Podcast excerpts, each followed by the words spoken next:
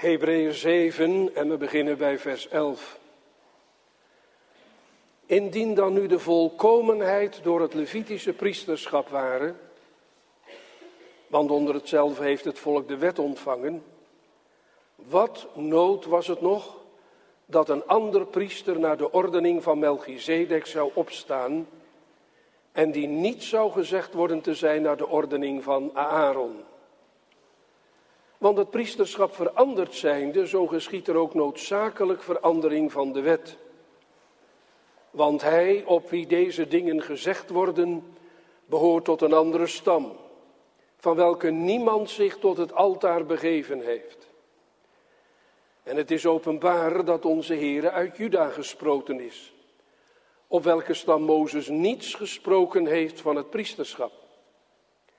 En dit is nog veel meer openbaar, zo er naar de gelijkenis van Melchizedek een andere priester opstaat, die dit niet naar de wet des vleeselijke gebods is geworden, maar naar de kracht van het onvergankelijke leven. Want hij, dat is de Heere getuigd, Gij zijt priester in der eeuwigheid, naar de ordening van Melchizedek. Want de vernietiging van het voorgaande gebod geschiet om deszelfs zwakheids en om profijtelijkheidswil. Want de wet heeft geen ding volmaakt, maar de aanleiding van een betere hoop door welke wij tot God genaken.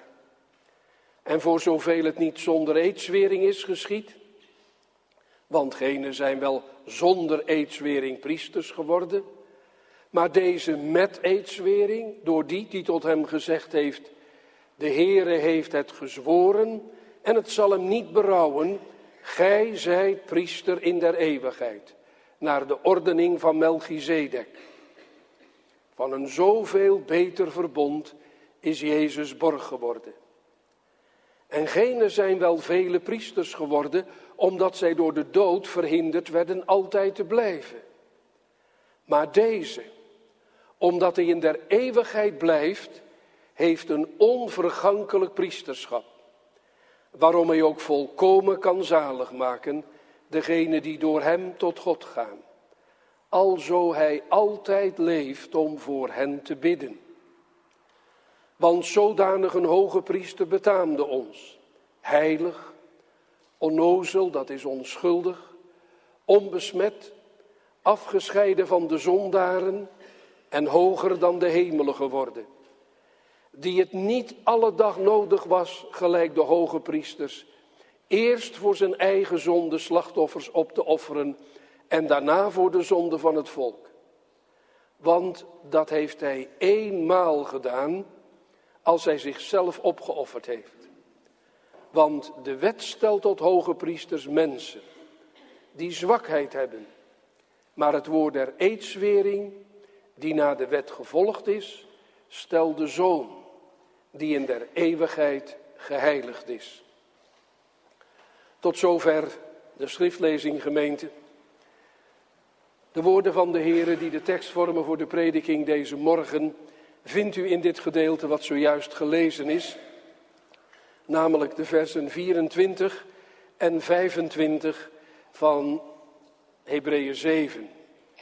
Hebreeën 7, 24 en 25, daar lezen we, maar deze, omdat hij in der eeuwigheid blijft, heeft een onvergankelijk priesterschap. Waarom hij ook volkomen kan zalig maken, degene die door hem tot God gaan alzo hij altijd leeft om voor hen te bidden. Is er een priester in de zaal? U zegt misschien gemeente, wat een rare vraag. Er is geen priester in de zaal. Ja, ik ken die vraag wel. Als iemand roept, is er een dokter in de zaal. Dat betekent dat er iemand onwel geworden is en medische hulp nodig heeft. Maar een priester in de zaal, toch zou u die roep zomaar een keer kunnen horen. Als u in de synagoge zou komen en gesteld dat u de taal zou kunnen verstaan waarin de dienst plaatsvindt, dan kun je het aan het begin van de dienst horen. Is er een priester in de zaal? Waarom? Wel alleen als er iemand van priesterlijke afkomst in de zaal is, mag hij volgens de rabbijnse wet aan het einde van de dienst de zegen uitspreken. U weet wel, die heel bekende zegen die we allemaal kennen. Vaak gebruiken en dat zo terecht aan het einde van onze eredienst. De Heere zegene u en hij behoede u. De Heere doe zijn aangezicht over u lichten en hij zij u genadig. De Heere verheffen zijn aangezicht over u en geven u vrede. Als er geen priester is, dan kan die zegen niet uitgesproken worden. Dan moet de gemeente, de Joodse gemeente in dit geval natuurlijk, zonder zegen het synagogegebouw verlaten. Eigenlijk is dat erg? Stel je voor dat u straks de kerk uit zou gaan en, en moet zeggen, ja, we hebben de zegen niet gehoord. En dan voelt u wel, dan ga ik wel dieper dan alleen maar die woorden. Stelt u zich voor dat u vanmorgen ongezegend de kerk uit zou gaan.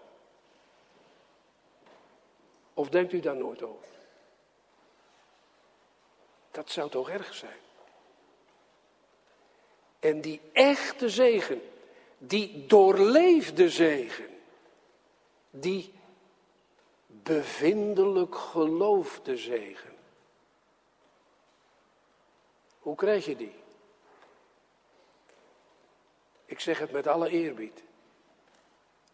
Als er vanmorgen echt, nee niet een priester in de zaal is, maar als de grote hoge priester in ons midden is.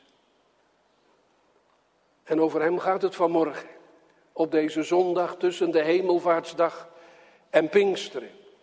Thema van de preek is de eeuwige hoge priester. En we letten op drie dingen. U kunt ze in de tekst terugvinden. In de eerste plaats, hij blijft altijd. Het staat in vers 25, in vers 24. Maar deze, omdat hij in der eeuwigheid blijft. Vervolgens, hij redt altijd. Want we lezen vervolgens, waarom hij ook volkomen kan zalig maken of kan redden degene die door hem tot God gaan. En tenslotte, hij bidt altijd.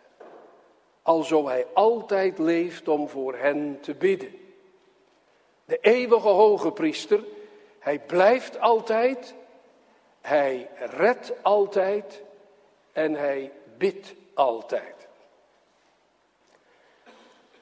De brief aan de Hebreeën, niet de meest gemakkelijke brief uit het Nieuwe Testament.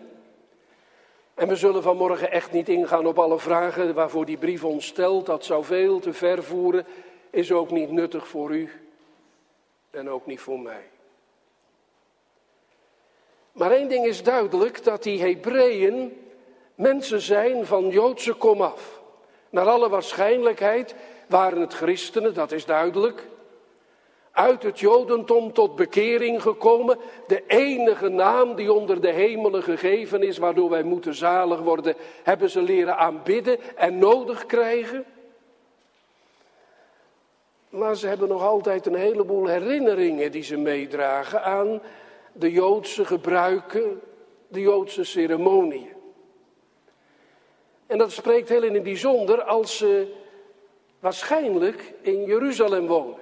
Hebreeën, waarschijnlijk een joods-christelijke gemeente uit de oude hoofdstad van Israël, Jeruzalem.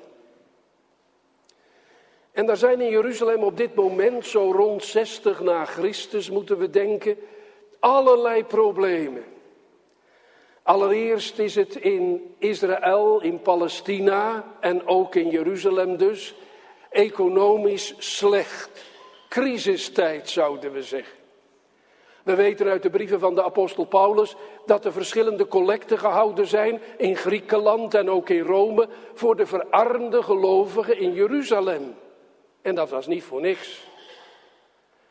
Vervolgens is het zo dat die Joodse gelovigen in Jezus Christus voortdurend in aanraking kwamen met de vragen van wat moeten we nu uit het Oude Testament nog overnemen? Wat is voorbij door de komst en door het lijden en sterven van de Heer Jezus? En wat is blijvend? Als ze de priesters zagen lopen door de stad, van de priesterstad naar de tempel zagen afdalen. Als ze in de tempel kwamen, want dat kwam de vroege christelijke kerk nog steeds, en de offers zagen. Als ze op de grote verzoendag de hoge priester in zijn rouwgewaad uit het heiligdom zagen komen en de zegen zagen uitspreken, wat betekent dat allemaal nog voor ons? En dan ook, en dat was geestelijk misschien minstens zo diep, ze raakten geestelijk die Hebreeën wat in verval.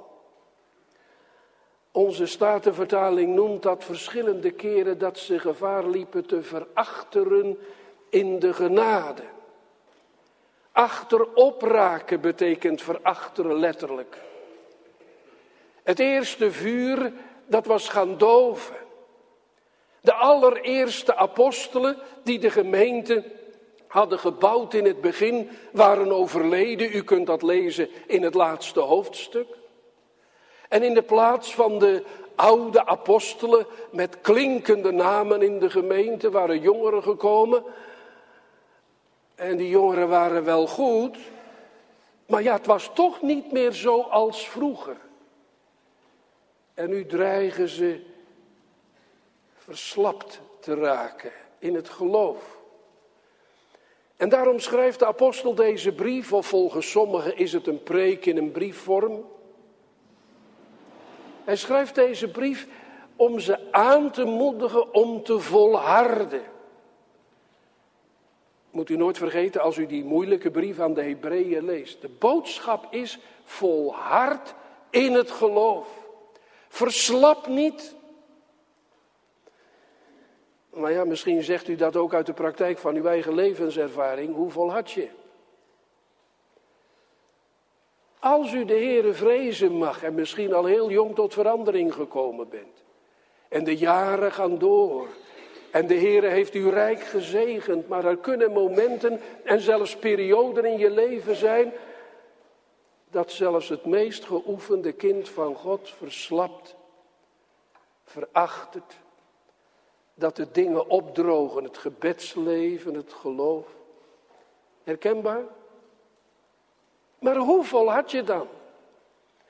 Wel, de boodschap van de brief aan de Hebreeën is op dat punt niet onduidelijk. Hebreeën 12, het eerste vers, u mag het thuis even nalezen straks. Dan zegt de apostel hoe je volhardt in het geloof, net als Abraham, Isaac en Jacob, en die voorbeelden heeft hij genoemd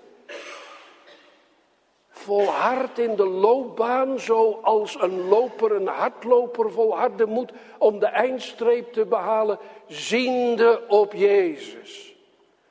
De overste leidsman en de voleinder van het geloof. Hij was het die u riep. Hij is het begin van het geloof.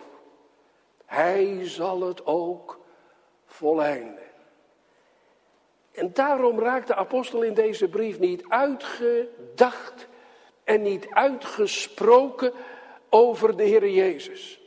En hij doet dat, en dat is te begrijpen aan gelovigen in Jeruzalem, die in de tempel, die met de tempeldienst vertrouwd zijn. Hij doet dat in de beelden van de oud-testamentische eredienst. Want hij heeft het voortdurend over een hoge priester. En hij heeft het over offers. En hij heeft het over offerdieren. En hij past dat allemaal toe op de tijd, de heilstijd van het Nieuwe Testament. Zo ook in onze tekst. En hij zegt, ja, oud-testamentisch was het wel zo, en zo gebeurt het nog steeds in Jeruzalem vandaag, in de tijd dat de brief geschreven wordt, dat je priesters had, priesters uit de stam van Levi. Maar die priesters, dat waren mensen. Vergankelijke mensen. Die stierven. Denkt u maar aan de ontroerende geschiedenis van het sterven van Aaron. In nummer 20 wordt het verteld. Dan is Aaron de hoge priester aan het einde van zijn leven gekomen. En dan moet hij zijn hoge priesterlijk gewaad, dat prachtige kleed, dan moet hij uittrekken. Aaron gaat de dood tegemoet niet als hoge priester, maar als arme zondaar. Amsdragers gaan de dood tegemoet als ze sterven moeten, niet als amsdragers, maar als arme zondaren. Maar al die priesters en in de geschriften van de Joodse geschiedschrijver Flavius Josephus worden ze vanaf Aaron tot zijn eigen tijd allemaal opgenoemd, tientallen. Ze zijn allemaal gestorven. En dat betekent dat hun werk op een gegeven moment ook werkelijk af was. Net zoals dat is bij ons als mensen. Als je ouder wordt en sterft, dan houdt je werk op. Maar in, in het koninkrijk van God heb je een hoge priester nodig, wiens werk nooit ophoudt.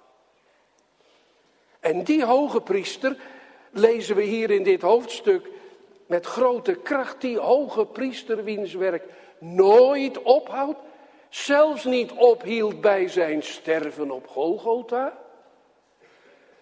Die hoge priester is er. Nee, hij is geen zoon van Levi, geen nazaat van Aaron. Hij is hoge priester naar een andere orde, de orde van Melchizedek, noemt de apostel dat. En nou gaan we vanmorgen niet in op de moeilijke vragen van wat die orde van Melchizedek nou precies is. Het is in ieder geval duidelijk dat de apostel bedoelt, de Heere Jezus was een hoge priester, maar niet volgens de generaties van hoge priesters uit het geslacht van Levi. Hij was een uitzonderlijke hoge priester. Een hoge priester die eigenlijk niet te vergelijken is met al die hoge priesters en priesters en levieten uit de stam van Levi. En die hoge priester, zijn werk blijft. Dat is het eerste wat we lezen in de tekst niet. Omdat hij in eeuwigheid blijft, heeft hij een onvergankelijk priesterdom. Anders dan al die menselijke priesters. Hij blijft tot in eeuwigheid. Ja, dat komt omdat hij van eeuwigheid was.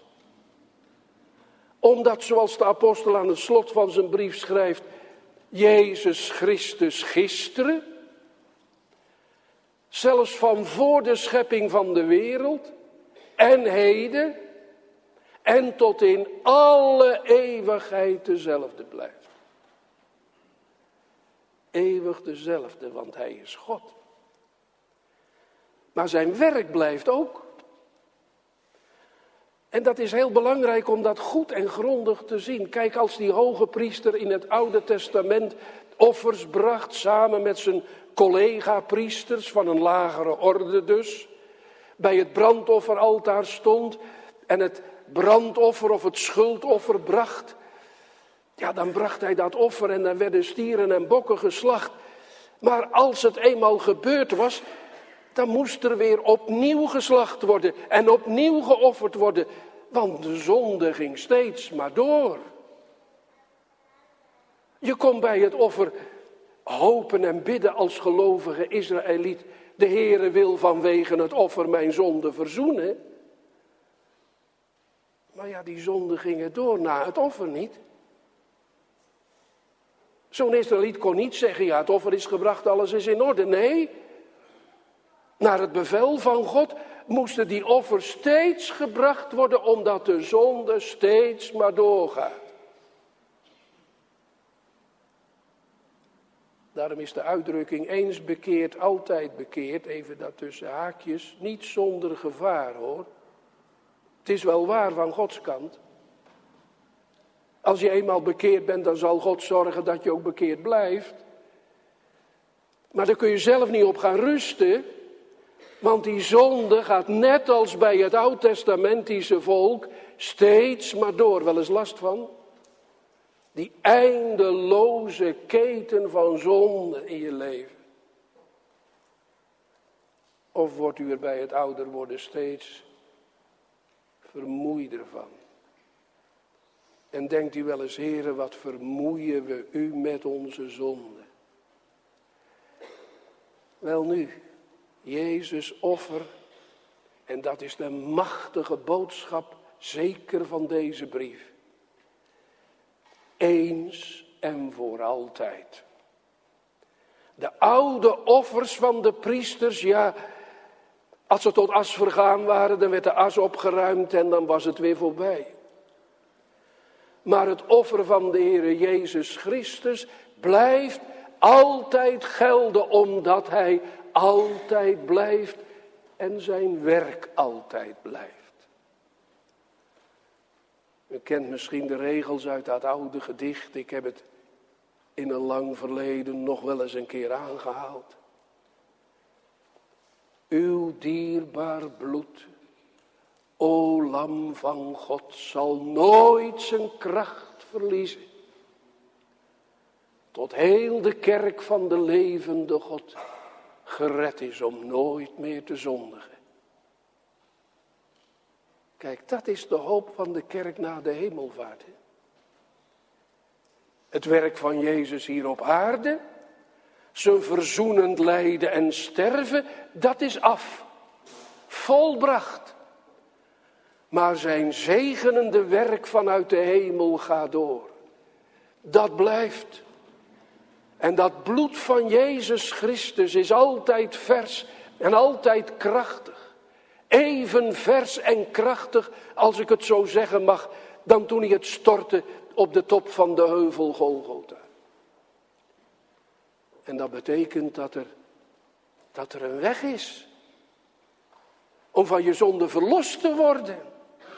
Om behouden te worden. Om gered te worden. Want de Heere Jezus Christus biedt zijn genade, verworven en bezegeld door zijn bloed, biedt hij aan aan allen die het evangelie horen.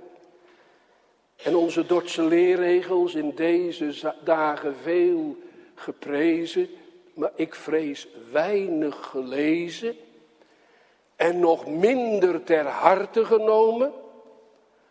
Onze Dordtse leerregels zeggen het in hoofdstuk 2 zo mooi dat het bloed van Jezus Christus overvloedig genoegzaam is voor de zonde van de hele wereld.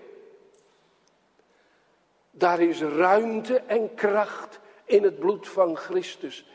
Want zijn dood, zijn sterven als het lam van God, heeft eeuwige geldingskracht tot aan het einde der eeuwen. En daarom mag ik u en dan nog maar één keer de Dordtse leerregels. Nee, niet vragen, maar bevelen om de toevlucht te nemen tot het bloed van de Heer Jezus Christus. Bevelen. Want gelooft en bekeert u, dat is niet een vriendelijk woordje, voor een postmoderne man of vrouw die zelf wel zal beslissen wat hij aardig vindt of niet zo aardig vindt. Dat is het bevel van de drie-enige God aan het adres van u en van jou en van mij. Gelooft het evangelie en bekeert u. Of om het te zeggen in de taal van onze tekst. Nader tot God. Want ja, bevel van bekering en geloof zeggen de Dordtse leerregels. Zo moet er gepreekt worden. Hoe kom je met dat bevel in het reine? Want als ik eerlijk met de Bijbel omga en met mijn eigen hart omga, dan ontdek ik dat als dat bevel naar binnen slaat, en ik hoop dat het bij u naar binnen geslagen is, of anders heel snel bij u naar binnen slaat, dan kom je erachter, ja, ik kan mezelf niet bekeren. Ik kan mezelf het geloof niet geven.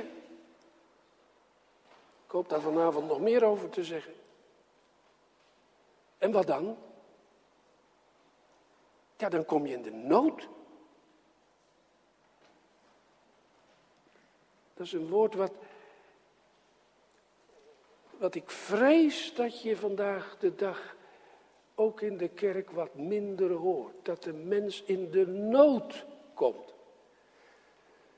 Ja, we hebben het wel over noden, moeite, verdriet. Dat is allemaal waar. En dat mag in de kerk ook aan de orde komen. Maar het gaat toch ten diepste om onze geestelijke nood niet. Mijn zielen, hoe doorziet ge uw lot? Hoe zult gij rechtvaardig verschijnen voor God? Als ik een schuld heb die ik zelf niet kan verzoenen. Of zelf niet weg kan nemen. Of waarvoor ik zelf niet kan betalen. Hoe moet dat dan? Want onze tekst zegt dat we geroepen worden om tot God te gaan. Om tot God te naderen. Ja, dat zijn in de tekst woorden die aan de priesterdienst herinneren. Naderen is in het Nieuwe Testament vaak een woord wat aanduidt, zo zoals de priester in het heiligdom voor God naderde. Denkt u maar aan de grote verzoendag, daar ging de hoge priester via het voorhof het heilige binnen en uiteindelijk het heilige der heiligen. Daar stond de ark van het verbond, althans voor de ballingschap. En dan moest hij het bloed sprengen voor de ark van het verbond en op de ark van het verbond. Dat was de hoogste vorm om tot God te naderen. Want de ark, de ark met het verzoendeksel was het symbool van de troon van Gods majesteit. Daar woonde God. Daar sprak hij tot God naderen. Gemeente, in de diepe bijbelse zin van het woord naderen wij allemaal tot God.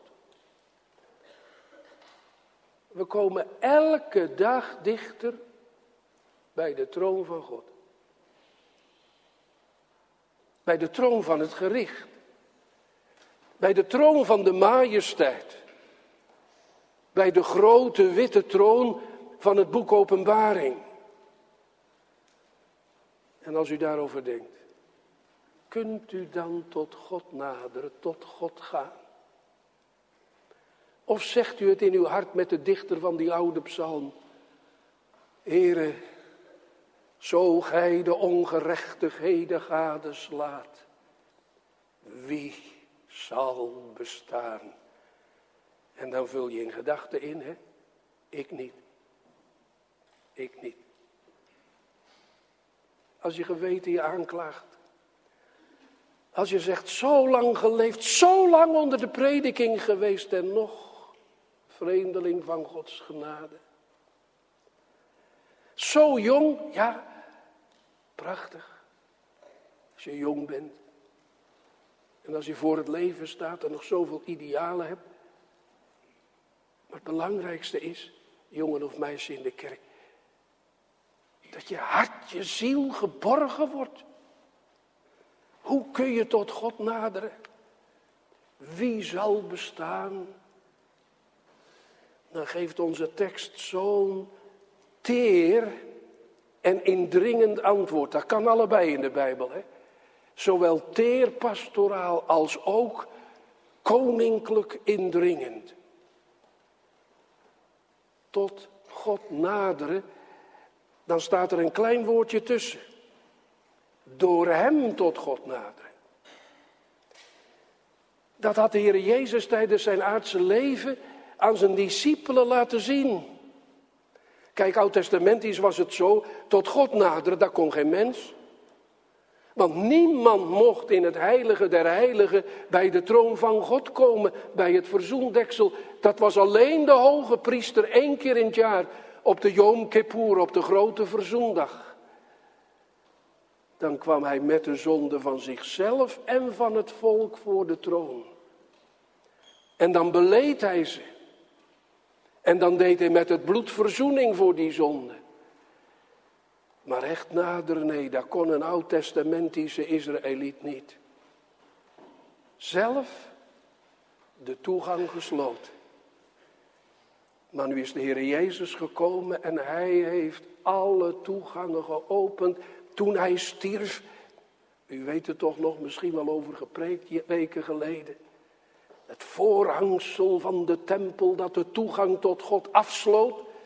Dat voorhangsel scheurde van boven naar beneden. De toegang is open. Maar dan alleen als je de toegang tot God gaat in de naam van de Heer Jezus. Want dat zegt onze tekst. Hij kan zalig maken degene die door hem, dat is door Christus, tot God gaan. Wat betekent dat? Laten we maar heel eenvoudig beginnen. Als kinderen hebben wij onze gebeden geleerd van onze moeder, misschien van onze vader of misschien van allebei. En dan leerden we dat kleine zinnetje voor het amen niet, om Jezus wil. Nou, dat zinnetje zeggen we vaak gedachteloos, laten we maar eerlijk zijn. En soms als kind dachten we, als vader een beetje lang bad aan tafel, nou, nou is het eindelijk afgelopen. Want hij zegt om Jezus wil. Maar dat is een geweldig woord, gemeente.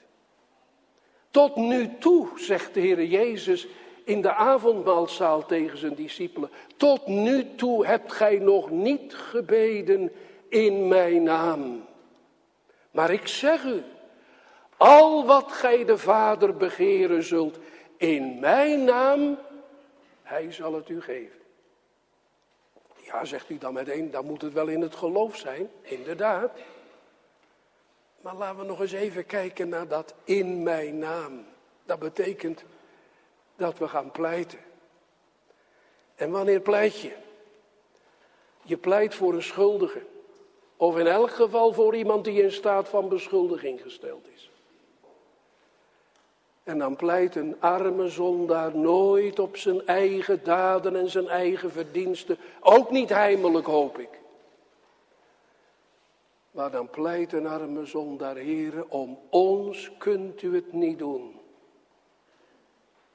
En daar ga je ook in leven hoor, als de Heer in je leven gaat werken. Grondig. Maar doe het om uw naams wil. Doe het om Jezus wil. Doe het om zijn genadewerk.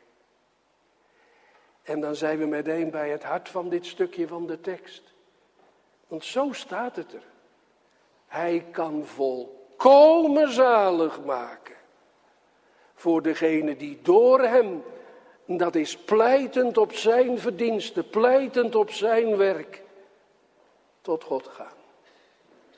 Die niet komen met eigen gerechtigheden, met lijstjes van eigen verlangens, met weet ik niet wat. Maar die zeggen, heren, als u naar mij zou zien zoals ik ben in mezelf. En een kind van God zegt erachteraan, en zoals ik in mezelf ook steeds blijf. Helaas. Dan is het een verloren zaak. Maar denk aan mij toch in de genade van de Heere Jezus Christus. En er is die Heere Jezus Christus in wiens naam ze smekend tot de troon van God gaan. Machtig en bereidwillig om zalig te maken. Kan zalig maken. Dat betekent zowel bereidwillig als machtig. Want hij heeft het laten zeggen door de hemel kort voor zijn geboorte. Matthäus 1. Als, Mozes de, als jo, Jozef de boodschap van de engel krijgt. Gij zult zijn naam heten Jezus. Want hij zal zijn volk zalig maken van al hun zonden. En dat betekent dat hij hen verlost. Verlost van hun geestelijke blindheid. Dat is een van de ergste dingen die de zonde van ons mensen vergezelt. Verlost van hemelhoge schuld. Verlost van onreinheid. Verlost van vijandschap. Zoals Paulus dat noemt in Romeinen 8. Van alle ongerechtigheden. Zit u zo in de kerk? Zit jij zo in de kerk? Dat je zegt, mijn leven is besmet en bevlekt met vele zonden. Misschien niet eens zulke grote, grove, openlijke zonden, maar als u in mijn hart kon kijken, wel deze hoge priester kijkt in uw hart. En hij weet precies, en dat ook nog volmaakt, wat er bij u en bij mij allemaal aan ontbreekt. Maar hij zegt, ik kan zalig maken. Ik wil zalig maken. En dan wordt er in onze tekst nog bijgezet volkomen. Het woord wat daar in de Griekse tekst gebruikt wordt, dat is dezelfde woordstam als het voorlaatste kruiswoord. Het is volbracht. Het is volkomen. Zo volkomen als mijn werk was op Golgotha. Even volkomen kan ik uw hart, jouw hart reinigen. Door mijn dierbaar bloed. En daarom worden we gebeden. En wordt het ons ook geboden. Vlucht tot hem. Ja, maar eh, dominee, u haalde net die tekst aan dat de Heer Jezus zijn volk zalig maakt van al hun zonden. En ik ben zo bang dat ik niet bij dat volk behoor. Als ik kijk naar anderen voor wie ik geestelijk veel respect heb, dan zeg ik ja, dat is een kind van God. Maar ik, alles ontbreekt eraan. Ik ben het niet waard om zijn kind, om zijn zoon, om zijn dochter genoemd te worden. Weet u, wat nou een kind van God is? En wat nou een zoon of een dochter van God is? Zijn dat mensen die een bepaalde trap van, van geestelijke kennis bereikt hebben? Zijn dat mensen die een bepaalde vorm van heiligheid beoefenen? Oh, ik zeg niet dat ze geen geestelijke kennis krijgen. En ik zeg ook niet dat ze verlangen om heilig te leven. Maar is dat nou het punt waarop God zijn kerk vindt? Waar vindt God zijn kinderen?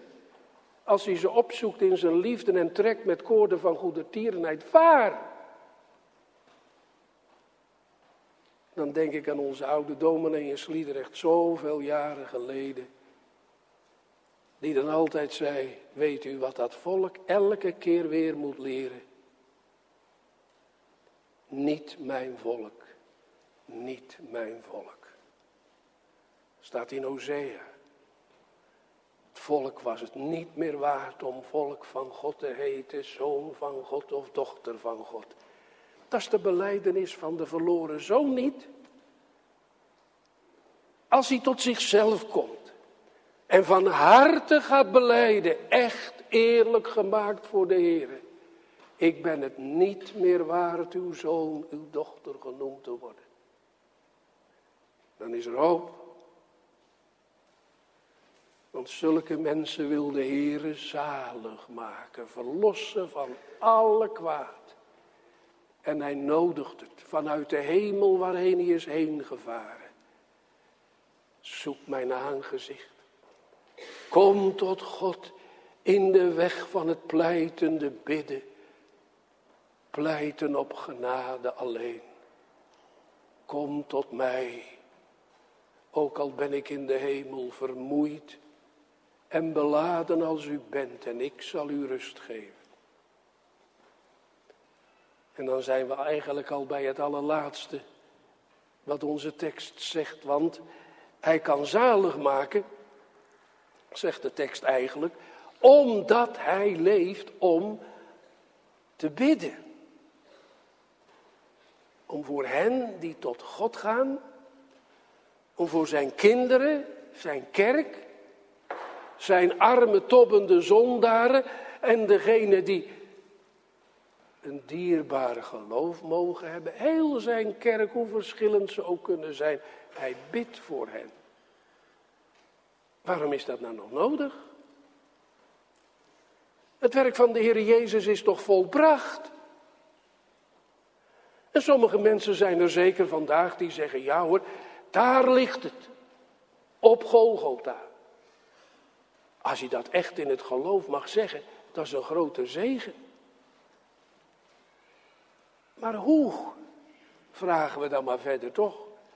Hoe leer je nu die zegen van Golgotha, dat offer van de Heer Jezus kennen? En hoe leer je nu in het geloof in dat offer en in zijn dierbaar bloed wandelen? Dan moet de Heer Jezus dat offer wat eens en voor altijd gebracht is, toepassen. Uitdelen. In je hart gaan uitwerken. Kijk, en daarom is nou Hemelvaartsdag geworden. Zoveel eeuwen geleden. Hij is naar de hemel gegaan om de vruchten van zijn lijden en sterven uit te werken. En hoe doet hij dat? Hij doet dat door te bidden. Toen de Heer Jezus de hemel binnenkwam, dat zegt Augustinus. Ik weet niet of het waar is, maar ik vind het wel heel erg mooi en treffend. Toen de Heer Jezus de hemel binnenkwam, was het eerste wat de hemelingen zagen twee doorboorde handen.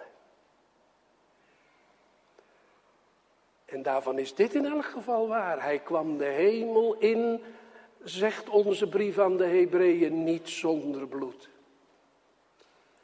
En hij laat als het ware zijn handen zien voor de troon van God. En hij zegt het, Vader, u had ze aan mij gegeven.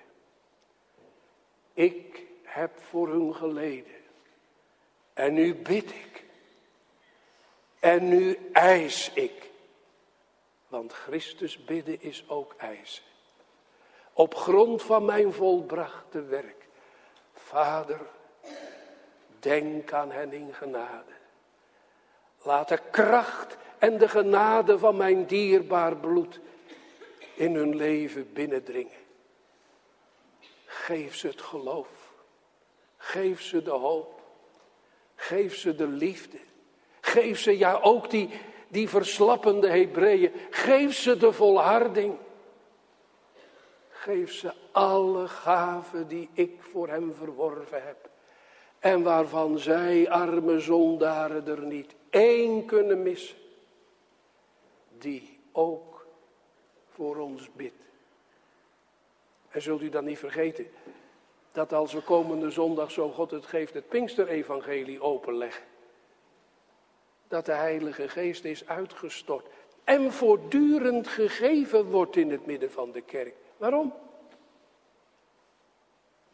Omdat Christus voortdurend voor zijn kerk bidt. En de geest als het ware, ik zeg het in alle eerbied, de geest als het ware naar beneden bidt. En het als het ware roept tot de geest, kom en bezoek mijn kerk met al het heil van Christus werk. En daarom is de dag tussen hemelvaart en Pinksteren, ja, die wordt wel eens weeszondag genoemd, omdat de kerk toen toch wat verweest achterbleef. Dat kan hoor, die naam. Maar ik vind toch eigenlijk niet zo'n geweldige naam. Want ik lees in mijn Bijbel dat de discipelen in de tempel bleven die tien dagen lovende en prijzende God. Dat is toch niet iets wat wezen doen? Nee. Ze wisten het door het geloof. We hebben een hoge priester in de hemel die altijd leeft om voor ons te bidden. En de geest zal komen. Hij heeft het gezegd. En hij bidt erop. Dag en nacht. En als we zo het laatste stukje van de tekst nog even dicht bij onze harten brengen. Dan moeten we nog een klein streepje zetten in gedachten onder dat ene woordje altijd. Altijd. Het zat in de puntenverdeling niet. Hij leeft altijd, hij redt altijd, hij bidt altijd. Altijd, dat is dag en nacht, zegt een andere tekst uit de Bijbel. Dat als een kind van God in het donker zit en niet weet te bidden zoals het behoort, hij bidt. Als een kind van God dreigt uit te glijden of misschien wel zwaar uitgegleden is en geen weg meer ziet, hij blijft bidden. Nee, niet dat hij de zonde van zijn kinderen goedkeurt, maar hij blijft getrouw. Als de kerk aan het begin van deze 21ste eeuw steeds meer het beeld gaat krijgen van de kerk aan het einde van het boek Openbaring. In de Heere moet vragen, zal ik nog geloof vinden als ik kom? Hij blijft bidden. Altijd. Dag en nacht. Nog concreter. Als u uw knieën buigt en u bidt voor uw kinderen als u een gezin mag hebben. Voor het werk. Maar ook voor de kerk en voor uw persoonlijk zielenheil. En u valt van vermoeidheid al biddend in slaap. Het zal ons allemaal wel eens een keer overkomen zijn. Hij blijft bidden, ook als u slaapt. Hij is de getrouwe wachter van Israël, die nooit slaapt of sluimert. Ja, de discipelen vielen in slaap toen de meester aan het bidden was in de hof van Gethsemane.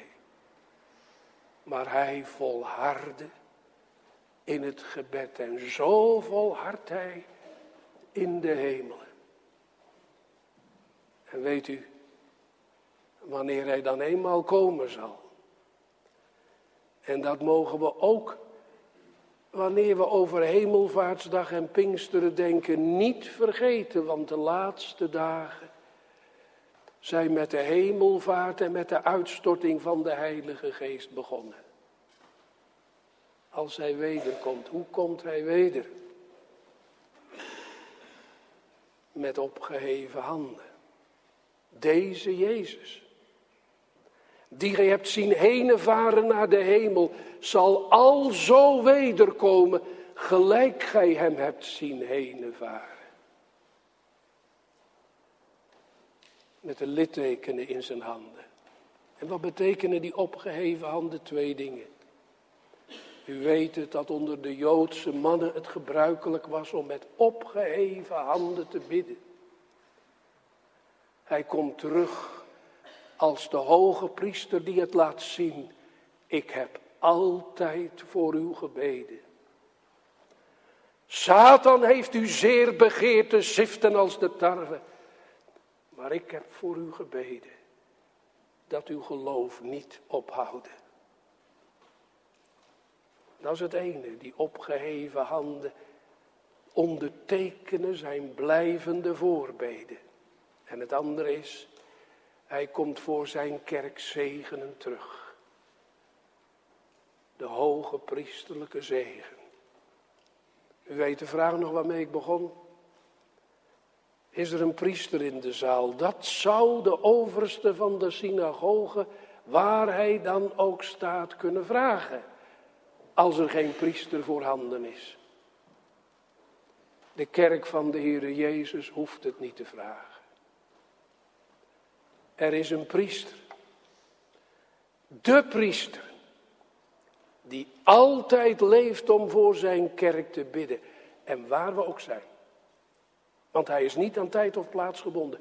Waar we ook zijn. En waar zijn naam aangeroepen wordt, heel persoonlijk in uw bidvertrek. Of in een kleinere of in een grotere gemeente. Daar wil hij in het midden zijn. En hoe is hij in het midden van zijn kerk? Als u hem door het geloof mag ontdekken. Of meer van hem gaat ontdekken. Altijd met zegenende handen. Mijn vrede geef ik u.